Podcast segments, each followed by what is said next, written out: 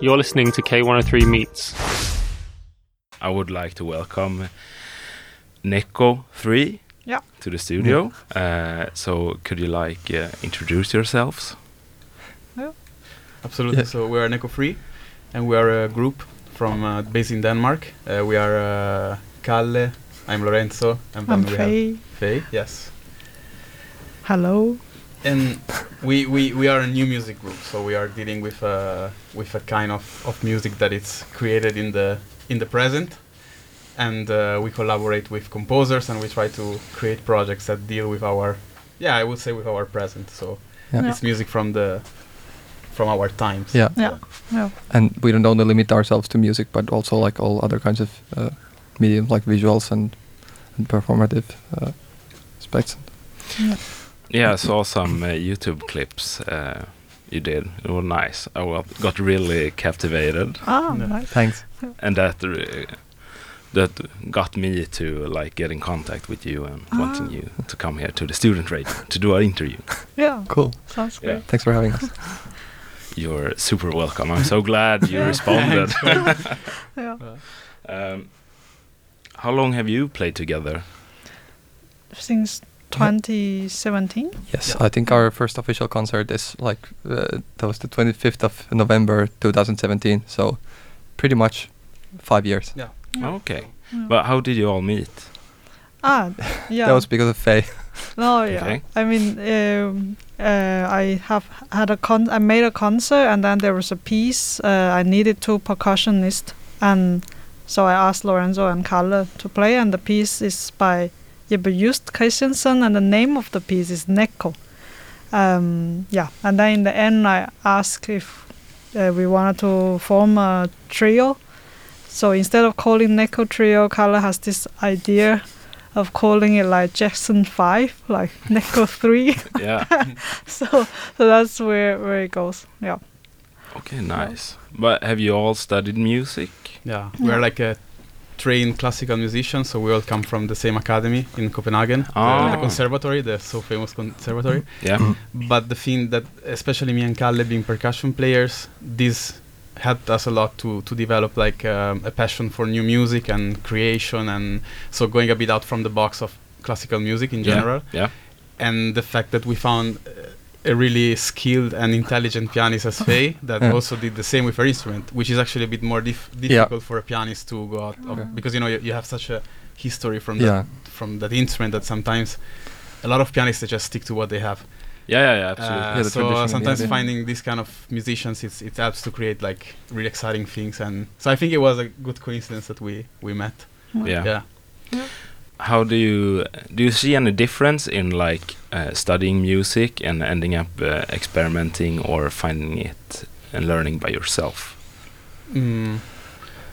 Yeah, I mean, I think the, the thing is that everything we learn, we kind of process it and put it in what we do now. So I think there is a line between what we've Mm. we've been studying and what we are doing now. Even if Mm. a lot of stuff we do now, like uh, when we when Kalle said we work a lot with multimedia, it's something that we learn ourselves. Yeah. But it was just like uh, sometimes we, we want to develop some ideas, so we need to get also skilled on how to process a video. Yeah. But it's not just a goal; it's just something that we need to do in order to process our Yeah. ideas. Yeah. But in general, I think yeah, everything we studied in our life is uh, reflected a bit in something that we assimilated, and we were just kind of too. Yeah. Yeah, it's Yeah. like like um, uh, learning as a classical pianist. It also gave me the fundament to able to understand something Yeah. else because it's like a, i- in in the end it's all become a tool and then it's your choice to choose what kind of tools you wanted to use at that very moment Yeah. um yeah so it, it's not like wasted or anything No, no, no. yeah, yeah No, I mean the the knowledge of Yeah. knowing knowing what what what you're missing out on or what you are consciously not going to be doing. I mean that's as important as knowing the things that you like. yeah I mean, Yeah. yeah. Absolutely. Sometimes, like I also think I, I saw, for example, when we think about like uh, visual art, all the time that you read like books written for artists of the of our century, they always say like, yeah, but then I had a trip to Italy, not because I'm Italian, but to watch at like a classical art, and Yeah. you know, you're Yeah, always. yeah. I think in in art there is always like a line connecting yeah present. I mean, past, present, and future. Yeah, yeah. And I guess we always ha- always have to be aware of that. So I think it's actually luck to have the chance to study in a classical conservatory Yeah. Also because we have different backgrounds musically. I, I personally don't come from classical music, so I think in the end we find in this moment where we really mix everything uh, we we learn in our life. Yeah, Yeah. Yeah. to become more personal in what we do. Yeah, yeah. But what what got you into like doing this sort of music? Yeah.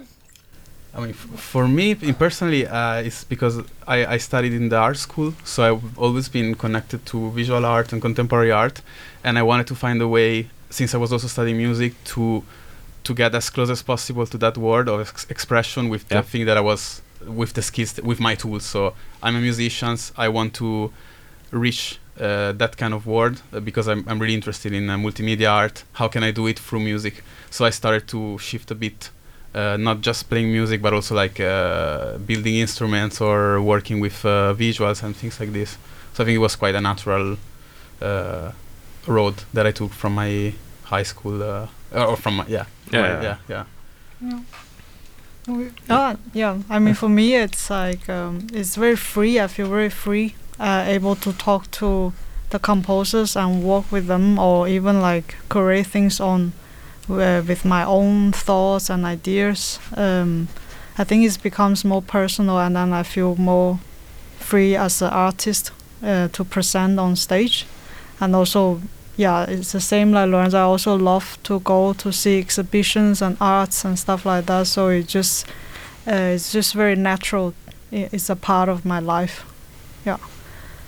For me, I, I feel like uh, I, in general, I don't I don't like to kind of fit myself in some sort of mold. Like, for example, I don't really follow the fashion. I, I wear whatever I want, and guess I can I can do whatever I want uh, with with the music of today because it's really like yeah, about like expanding boundaries and, and you know uh, like kind of uh, looking looking in the past, but but reflecting into the future with your with your own thoughts.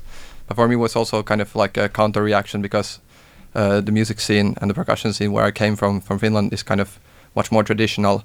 So I guess in a way I also wanted to escape that, and then then I found the freedom in Copenhagen. Would you say that uh, Copenhagen is a good city to be uh, liberally expressing your music? For my my point of view, definitely yes. yeah absolutely absolutely yeah Yeah, um, definitely. I think in a, in a s- uh, it depends, of course. Um, um, like I think like in Switzerland it's also very great because actually Neko did went to study in Switzerland as a trio uh, with uh, pianist Antoine François, right? Yes. yeah Yeah. yeah. And uh, no, I just have a bit of difficult pronounce his name. Uh, yeah, and and I think um, it is a lot of uh, high skill people is already involved in uh, contemporary music, especially like musicians. So I think to s- to get some very good tools on your hands, uh, there is a very good place to go. Uh, uh, but to t- to develop um, as an artist, um, as a career in a way, uh, Copenhagen has been a very good place for me. I think. Yeah, I haven't tried to be in Switzerland, but I have tried in Copenhagen. I'm very happy about it. Yeah. Nice. Well, Gothenburg, uh, I'm uh, mixed feelings about yeah, the openness, but we have this uh, uh, Gothenburg Art and uh, Yeah. Art and Sound uh, festival now Yeah. that you're gonna play at also. So we have something, but uh, I didn't know about this festival until like uh, last week. Oh, So I went into on their uh, webpage and I read like they're the bi- one of the biggest uh, festival in that kind of festival in whole of Sweden, Mm. and I was like, hmm, yeah yeah, they're they're Yeah. they're great you have some yeah, we also been to sound of stockholm so you have like a lot Yeah, of uh, festivals that are dealing with new music yeah, Uh, what I like about in, especially Gas Festival is the, that it's really thought to make con- like a networking Yeah. between. Yeah. So you are you you, they really want to. It, it's almost like a how to say. A sh- n- no, I was saying Yeah, it's like- show off. No, yeah, but like uh, like an ex- Showcase. expo. a showcase. Yeah, Showcase. showcase. Yeah, yeah, show exactly. off. yeah. You see a lot of young artists on the list. Yeah. Um, and yeah, the, it feels like they gave a lot of uh, opportunity for Yeah. like just startup group as well.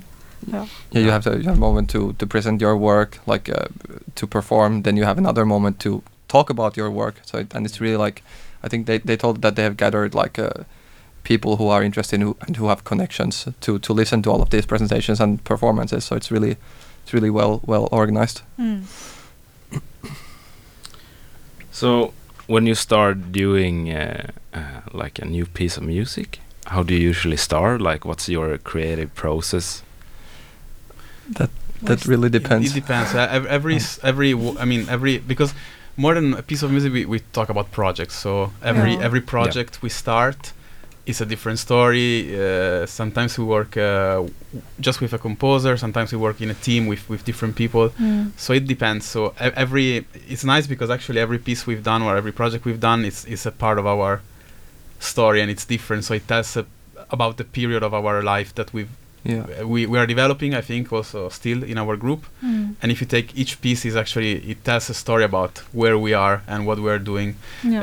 um, and and and also i think in our story it's not it's five years but it's not linear at all No. so it's Mm. it's kind of it's kind of crazy it's going in all the direction and it's also what i like to think about art Yeah. in general sometimes i like that there is a line but sometimes i really like that it's totally crazy you know you, you, Yeah. you cannot predict what's what's coming next uh, and i like that we have this freedom in uh, in Neko. so yeah. in general, yeah, we can talk about every every project, every piece uh, has his own story. So Yeah. Yeah, But- I mean, we start by hanging out with the composers, have- Yeah. having a beer. I don't know. I think we, after years of playing contemporary music, um, I think at least for Neko at this moment, we really rather take longer time to to make a piece than just having the composer send us the score, a finished score, and then play a piece. Yeah. also Yeah. because I think one interesting thing about the the, the music that we play is that. Uh, You know, in music, usually you have the artist, which is the the one. I mean, sometimes with pop artists, you have like writers, co-writers. Yeah. But in Mm. our case, we are performers, so we need always someone that help us to develop a project. Yeah. So we always pair with a composer and work with, with this person to create something together. So it's uh, Yeah. it's actually Yeah. quite quite interesting because it's a bit far from the way of uh, working f- as a pop artist, for Yeah. example, would do. Yeah. Uh, so recently we work with uh, with a Catalan composer called Xavier Bonfill. Uh, for example, we work with them developing this piece for piano with motors, motorized piano, let's call it. And the process was that together we were, he was writing the music, we were uh, helping to develop the, the instrument itself, to how to build the, the stands and stuff like that. Now we're working with a um, German composer called Alexander Schubert. And with him, it's, it's also a different process. So it's uh, every, every every project has his own story. It's, it's quite uh, interesting. No, I think I think the project uh, or the program that we are presenting in this expo also kind of reflects these different signs of or, or different ways of uh, working. Like we have all the three pieces are basically different in their process. We have one piece where uh, which which which has been composed already, and then we have been working on it by ourselves and with the composer, so an existing piece. And then another one is a piece that was uh, that we workshop together with the composer and was kind of uh, it was it was written for and with us, uh, kind of uh, portraying us as as uh, as individuals and and the third one is basically like we are making our own arrangements of uh, of something existing. So it's like very three different processes that we are going to be presenting tomorrow as well. Mm. Yeah. Yeah, and also like um, uh, we also have this uh, micro workshop we are doing like with very young composers, like trying their sketches to get to know them. So so it's also opportunity to create something more fast and get to know the composer in a very early stage, and then let the year pass and then and let them grow together. So maybe then uh, a bigger piece can be developed in the future. Also, we're trying to like plan those kind of seeds in this way, um, in, instead of like force something fast happen, like thinking of a planting a tree Yeah. kind of idea. Yeah. Nice. Yeah. So during your like five year period, have you done a lot of gigs around Europe? And uh, how often do you go out and play? Yeah, I mean, actually, we played more in uh, in Denmark than in Europe, uh, but now we are starting also to go out. Uh, so we play in Germany next month or this month. I don't know. Next month. Next, Next month. month, yeah, yeah, yeah. exactly. Yeah. Uh, I, I think the good thing about Denmark, uh, the, the the system that he ha- has is like that you can create your own project and then you can export it. So we we kind of see like Denmark as our house, and when we want to show uh, uh, outside what we do. Yeah. Mm. So in general, uh, yeah, I think that's also what we would like to do in the future. So play Yeah. as much as possible in Europe, uh, stay home and create our stuff, and then try to Yeah. to tour as much as possible. Yeah. But we play a bit like in Iceland also. Yeah. Yeah, we've been in Iceland, Switzerland, Switzerland, Switzerland, Sweden, yeah. Sweden. Finland. Yeah. Finland, yeah, yeah. Nice. Yeah. yeah. No, it's basically like I think we have more more concerts every year than we had the previous year, so that's a Yeah. good Yeah. good trajectory. Oik. Nice. But uh, for you're Danish, no? Yeah, I Yeah. mean, originally I'm from China, but I have been in Denmark for like 15 years. Yeah, so yeah. I am Danish on paper. Yeah, yeah, yeah, yeah. Yeah. But how did uh, you two end up in Copenhagen? yeah. Uh, that was because of the studies. I mean, uh, I, I, I knew that I wanted somewhere else in in fin- uh, than in Finland, and then then I went to this summer course, uh, this orchestra course, and then that just happened to to happen in in Denmark, and then I met all these people, and then they told me about this uh, this school and and this department in. Uh, which was the Royal Danish Academy of Music in Copenhagen, the percussion department, and it sounded like like everything that I ever had dreamt of. So that was a very very clear uh, clear choice, easy choice. Yeah, also th- was similar for me. I I, um, I was in Milan studying at the academy there, and then I I I knew about the teacher in uh, in Copenhagen because he was doing stuff that I was very interested in, and then I applied for the Erasmus program, and I've been there for six months. Then I asked to stay six months more, and then I decided to start again my education from zero in Denmark. But another big reason is because of climate. I, I hate uh, weather, uh, Italian weather. yeah, I cannot stand. Uh, I went back this summer and I was fainting all the time. I mean, it was no, no. I suffer. so it was a no. First of all, it was like because of studying, but then also uh, climatic red, uh, the reason is, is, is Yeah. No, and then I fell in love with the with, with Denmark society, Yeah. people, and uh, it's, it's it's it's really great. Yeah. It's also like geographically, it's it's such a great location where you like like I, I always feel a, a bit bad about uh, flying with an airplane, uh, but here I can I can take the train to Germany, I can take the train to anywhere in Europe, Yeah. and in Finland it's like you need 24 hours more to even get to Denmark, so it's really a good Yeah, location. Yeah. Yeah, it's Yeah. off, and Yeah, uh, yeah. Copenhagen is like uh, It's the hub. Yeah, it's the yeah, hub, it yeah. is. It is. Yeah. It It absolutely is. Uh, but so, what does the future have in store for uh, your band? Future. Just keep going. No, we, we have like a like big big project release uh, like this year is this collaboration with this uh, German composer called Alexander Schubert, which is gonna come out as a basically an album of like almost one hour of music uh, with like pop songs, but like uh, algorithm ad- algorithmical generated. is is a really is a really interesting uh, Yeah. kind of music we're developing with him. So I think this is the main. Uh, Yeah. project we have. Yeah. And then, as Fei said, we are really doing this kind of. Um, I don't like to call it educational, but uh, it's this um, micro workshop where we yeah we work with young composers and we try to. I think we are all we're really trying to create a community in Copenhagen. We we are really Yeah. like uh, we Mm. really want to deal with. Uh, creating our own community make it grow and, and, and try to be local in this sense uh, inviting people from outside and and you know helping people inside to, to grow and because I mean we, we really care about our community. I mean Mm. in, in Yeah. Denmark it's quite uh, I think it's it's quite important to have your own yeah your your own garden you know where you can do Yeah. your stuff make it grow and then try to export it outside and uh, but we're yeah. Yeah. we're really close to our I mean community of composers and friends and uh, collaborators Yeah. Yeah. yeah Oh, nice.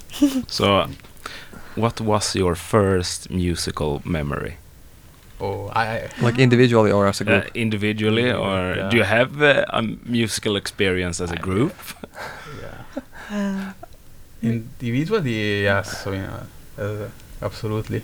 I mean so I, we, we can no i mean I, be- I like my dad was crazy. Was like- he's like uh, really interested in music. So i i've been listening to vinyl since i'm two years old. I really remember when i was uh, like probably two or three years old and we were listening yeah like vinyls of ramones and like all the 70s uh, rock so I, I i've been listening all that all my and I think that's also why I, I wanted to become a musician because it was cool, you know, like Yeah. seeing these punk bands and I don't know, if it's always been like hip for me, music. Uh, so I think that's my my I, I I have really memories of those moments. They were really like important.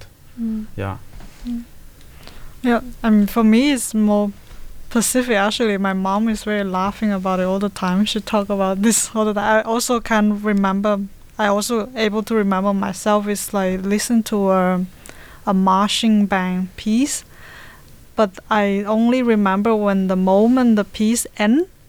I just shouted out loud that oh everyone just fell into the hole uh, in in on the ground because like I, somehow in my brain I have this picture that people was walking on street and then suddenly everyone just fall into this uh, you know this kind of hole in the They ground. they shoot marching bands. yeah, exactly. and Yeah. I just like and be buried yeah. so I just shouted out loud. My mom was laughing for days. That's what she told me afterwards. It's a good story. yeah, that was yeah, that was it.